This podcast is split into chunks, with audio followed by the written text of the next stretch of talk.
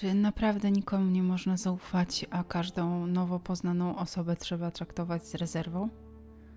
Dzisiejsza historia sprawi, że na to samo miejsce już nigdy nie spojrzymy w ten sam sposób, a rzeczy pozostawione same sobie wywołają refleksję, może nawet niepokój. Jak się okazuje, nawet w regionie typowo turystycznym, gdzie cała masa ludzi zwiedza, spaceruje i po prostu odpoczywa, można się negatywnie zaskoczyć.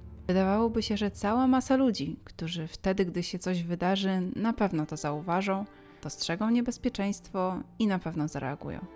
Dramatu Katarzyny P. nie przerwał nikt. W poprzedniej historii również mieliśmy Kasię.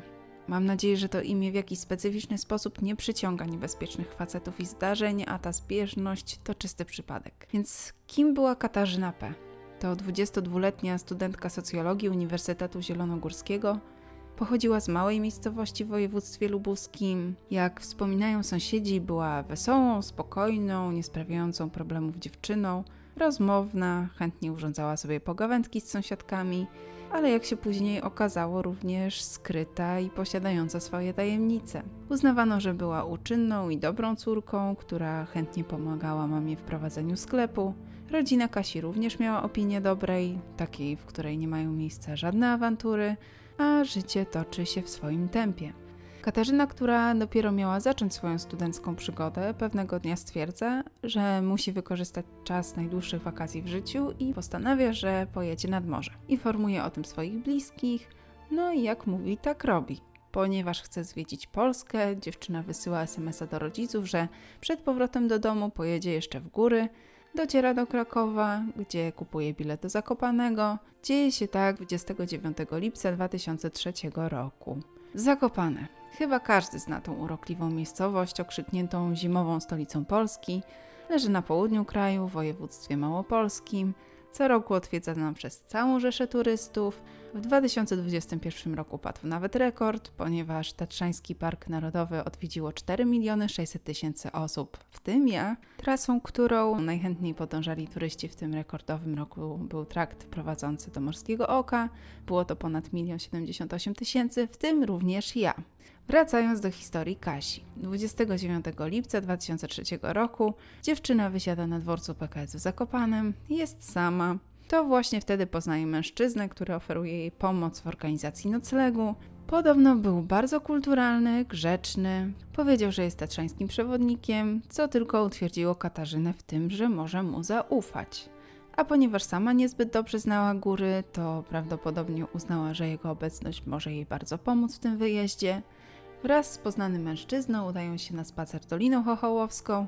Wcześniej jednak dziewczyna kupuje dwie świeczki w jednym ze sklepów w Zakopanem. Noc z 30 na 31 lipca kobieta spędza w schronisku w Dolinie Chochołowskiej, najprawdopodobniej z powodu małej ilości pieniędzy albo oszczędności, a może z jakichś innych powodów, śpi w sali wieloosobowej. Poza nowo poznanym kolegą są tam również inni noclegowicze. Rano Katarzyna wraz z nowym znajomym opuszcza schronisko i wspólnie udają się na dalszą wędrówkę. Schodzą z wyznaczonego szlaku, być może jest to sugestia nowo poznanego kolegi, trafiają do szałasu. To właśnie 31 lipca Katarzyna jest widziana ostatni raz. Na początku sierpnia jeden z turystów spędzających urlop na Podhalu wraz ze swoim psem udał się na spacer. W pewnym momencie pies zaczął głośno szczekać, nie reagował na żadne nawoływania, więc jego właściciel postanowił sprawdzić, co się właściwie stało.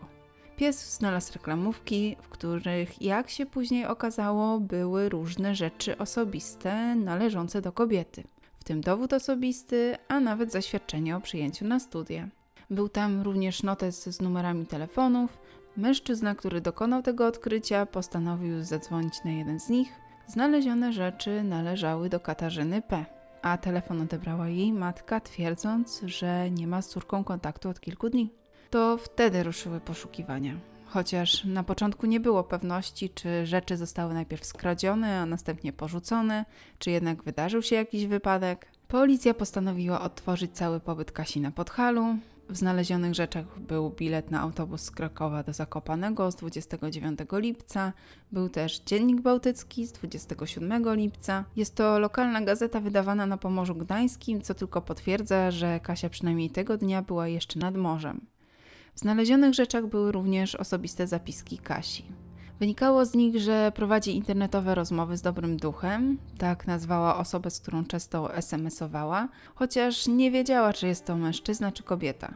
Na pewno była to dla niej ważna znajomość, dość emocjonalna. Pojawiła się hipoteza, że dziewczyna chciała się spotkać z dobrym duchem, stąd jej podróże. Policja postanowiła też przeanalizować połączenia i SMS-y pochodzące z telefonu Katarzyny. Okazało się, że numer ducha należy do mieszkańca Słupska, przy czym to nie on kontaktował się z dziewczyną, a jego krewna Justyna, studentka polonistyki z Uniwersytetu Jagiellońskiego. Tłumaczy, że miały ze sobą kontakt, ale nie wie, co się wydarzyło z dziewczyną, nigdy nie widziały się na żywo. Matka Kasi twierdziła, że podróż córki była ściśle związana z tą znajomością. Podobno dostała wytyczne, by skierować się najpierw na północ, a później na południe Polski. W czasie poszukiwań przesłuchiwano świadków, ale też właścicieli hoteli, pensjonatów i prywatnych kwater. Tym sposobem śledczy trafiają do schroniska, gdzie, jak się okazuje, nocowała Kasia. W noc z 30 na 31 lipca w tej samej salce spało kilkoro innych turystów. Funkcjonariusze już wtedy wiedzą, że dziewczyna nie przyszła tam sama. Niektórzy świadkowie pamiętają spacerującą Kasię, twierdzą, że była w Dolinie Chochołowskiej, ale też w rejonie Witowa-Rostoki. Sprawdzając wszystkich, którzy wtedy nocowali w tym miejscu, trafiają na Pawła H. Niewiele czasu zajęło ustalenie, kim jest wspomniany mężczyzna. Kolejny niezbyt przykładny obywatel, który ma już wyroki na swoim koncie. Okazuje się, że odsiadywał 7 lat pozbawienia wolności za rozboje i przestępstwa na tle seksualnym. Wyszedł na wolność w 2001 roku, po czym zaczął podróżować po kraju. To, jak wyglądał mężczyzna, było zgodne z tym, kogo zapamiętali świadkowie. To właśnie Paweł H. był mężczyzną, który zaoferował Katarzynie nocleg, z którym spacerowała, a następnie nocowała w schronisku. Był ostatnią osobą, z którą przebywała w dniu, kiedy widziano ją ostatni raz. Nie pozostawało nic innego, jak go odszukać. W międzyczasie zorganizowano przeszukania z udziałem kamery termowizyjnej, ale bez skutku. Funkcjonariusze nie wiedzieli, gdzie aktualnie może przebywać Paweł H. Kasi też nigdzie nie było. 14 sierpnia prokuratura w Zakopanem wydała za mężczyzną list kończy, a jego zdjęcie pojawia się w internecie. To właśnie do 14 sierpnia Kasia miała się pojawić na uczelni, by potwierdzić dalszą chęć studiowania. Nigdy tego nie zrobiła. Jeszcze tego samego dnia policja otrzymuje zgłoszenie od mieszkańca Konina, jakoby poszukiwany Paweł H. przebywał w tym mieście. Zostaje zatrzymany przed jednym ze sklepów. Kiedy słyszy o jaką sprawę chodzi, twierdzi, że nie ma z tym nic wspólnego, a tak w ogóle to ma na imię Adam. Ma przy sobie śpiwór, Podobno wybierał się do Lichenia na odpust. Po przewiezieniu podejrzanego do Zakopanego, lokalna policja prowadzi przesłuchanie. Funkcjonariusze wiedzą, że są w trudnym położeniu, bo dziewczyna zaginęła, ciała nie odnaleziono. Poza tym, że podejrzewany był widziany jako ostatni w jej towarzystwie i że ma wyroki za gwałty, nic więcej na niego nie mają. Po długich godzinach przesłuchiwania, z których niewiele wynikało, w końcu policjanci uciekają się do klasyki w temacie, czyli blefu że znaleźli zwłoki dziewczyny, że mają jej ciało. I to jest moment kluczowy, bo Paweł H. przyznaje się do winy, wtedy odbywa się wyjazd do Doliny Chochołowskiej, przez dłuższy czas mężczyzna prowadzi funkcjonariuszy szlakiem turystycznym między Doliną Chochołowską a Kościeliską, będąc przekonanym, że oni o wszystkim wiedzą. Wskazuje miejsce ukrycia ciała. Policjanci zgodnie twierdzą, że bez tego wskazania prawdopodobnie nigdy nie udałoby się odnaleźć ciała Katarzyny. Nieznacznie później policja dokonuje oględzin szałasu pasterskiego, w okolicy którego Kasia była widziana 31 lipca i znalezione tam ślady potwierdzają, że może to być miejsce zbrodni. Ale co się właściwie stało? Katarzyna P. wysiada na dworcu w Zakopanem, tam poznaje mężczyznę, teraz już wiemy, że jest nim Paweł H. Proponuje jej pomoc w znalezieniu noclegu, prawdopodobnie oferuje swoje towarzystwo w wędrówkach górskich, jednocześnie podając się za taternika, ratownika GoPru, czyli Górskiego Ochotniczego Pogotowia Ratunkowego. Dziewczyna się zgadza. Wspólnie udają się na spacer po Dolinie Chochołowskiej, tam nocują w schronisku, Kolejnego dnia wychodzą na dalsze wędrowanie, schodzą ze szlaku, znajdują szałas pasterski. Kiedy do niego wchodzą, Paweł H. niespodziewanie rzuca się na dziewczynę, bije ją i poddusza. Kiedy traci przytomność, gwałci, po czym zabija przez uduszenie. Ciało zakopuje niedaleko czarnego szlaku, który prowadzi z Doliny Kościeliskiej do Doliny Chochołowskiej, tak zwana ścieżka pod reglami. Świeżo rozkopaną ziemię pokrył dużą ilością ściółki leśnej. Rzeczy dziewczyny pakuje do reklamówek, po czym je porzuca. Łapie tak zwaną okazję i wyjeżdża z Zakopanego. Za podwiezienie odwdzięcza się kierowcę oddając mu telefon Kasi, ale wcześniej wyciąga kartę SIM i ją niszczy. Kiedy policja zajęła się historią połączeń z numeru dziewczyny, okazało się, że niedługo po jej zaginięciu wykonano kilka rozmów z tym samym numerem. Śledczy zajęli się sprawdzeniem tego tropu i ustalili, że osobą, która skorzystała z tego telefonu nie była zaginiona Katarzyna, a właśnie Paweł. Dzwonił do swojej niewiele wcześniej poznanej znajomej, Kobieta poznała Pawła na jednej z wędrówek po górach, przedstawił się jako ratownik górski i tym ją do siebie przekonał. Swoją drogą tę sztuczkę miał opanowaną do perfekcji. Za każdym razem podawał się za kogoś, kim nie jest, zawsze wybierał zawody, które budzą szacunek i podziw. To był jego niezawodny sposób na to, by zwabić młode dziewczyny, tak żeby niczego nie podejrzewały. Prawda jest też taka, że jadąc na urlop ostatnią rzeczą, jakiej się spodziewamy, to spotkanie na swej drodze mordercy. Jedziemy odpocząć, zobaczyć coś nowego, oderwać się od codzienności. Gubimy czujność. Wspomniana kobieta nie wiedziała nic na temat Katarzyny P., jednak opowiedziała o niezapowiedzianej wizycie Pawła w jej mieszkaniu w Lesznie. Był u niej przez pierwsze kilka dni sierpnia, kiedy zapytała go o rany na szyi, stwierdził, że nabawił się ich w ostatniej akcji ratowniczej. Kobieta mu wierzy, bo jak nie uwierzyć w to, że naraża własne życie, by pomóc innym? Doprawdy, cóż za altruizm. Po tych kilku dniach, zostawiając swojej znajomej pióro i aparat fotograficzny, wyjeżdża do Poznania. Jak się później okazuje, prezenty są własnością Kasi. Paweł H. pochodzi z Białego Stoku i to w tym mieście rozpoczyna się jego proces. Dokładnie 25 stycznia 2005 roku przez Sąd Okręgowy w Białymstoku zostaje skazany na dożywotnie pozbawienie wolności za zgwałcenie i zamordowanie Katarzyny Z.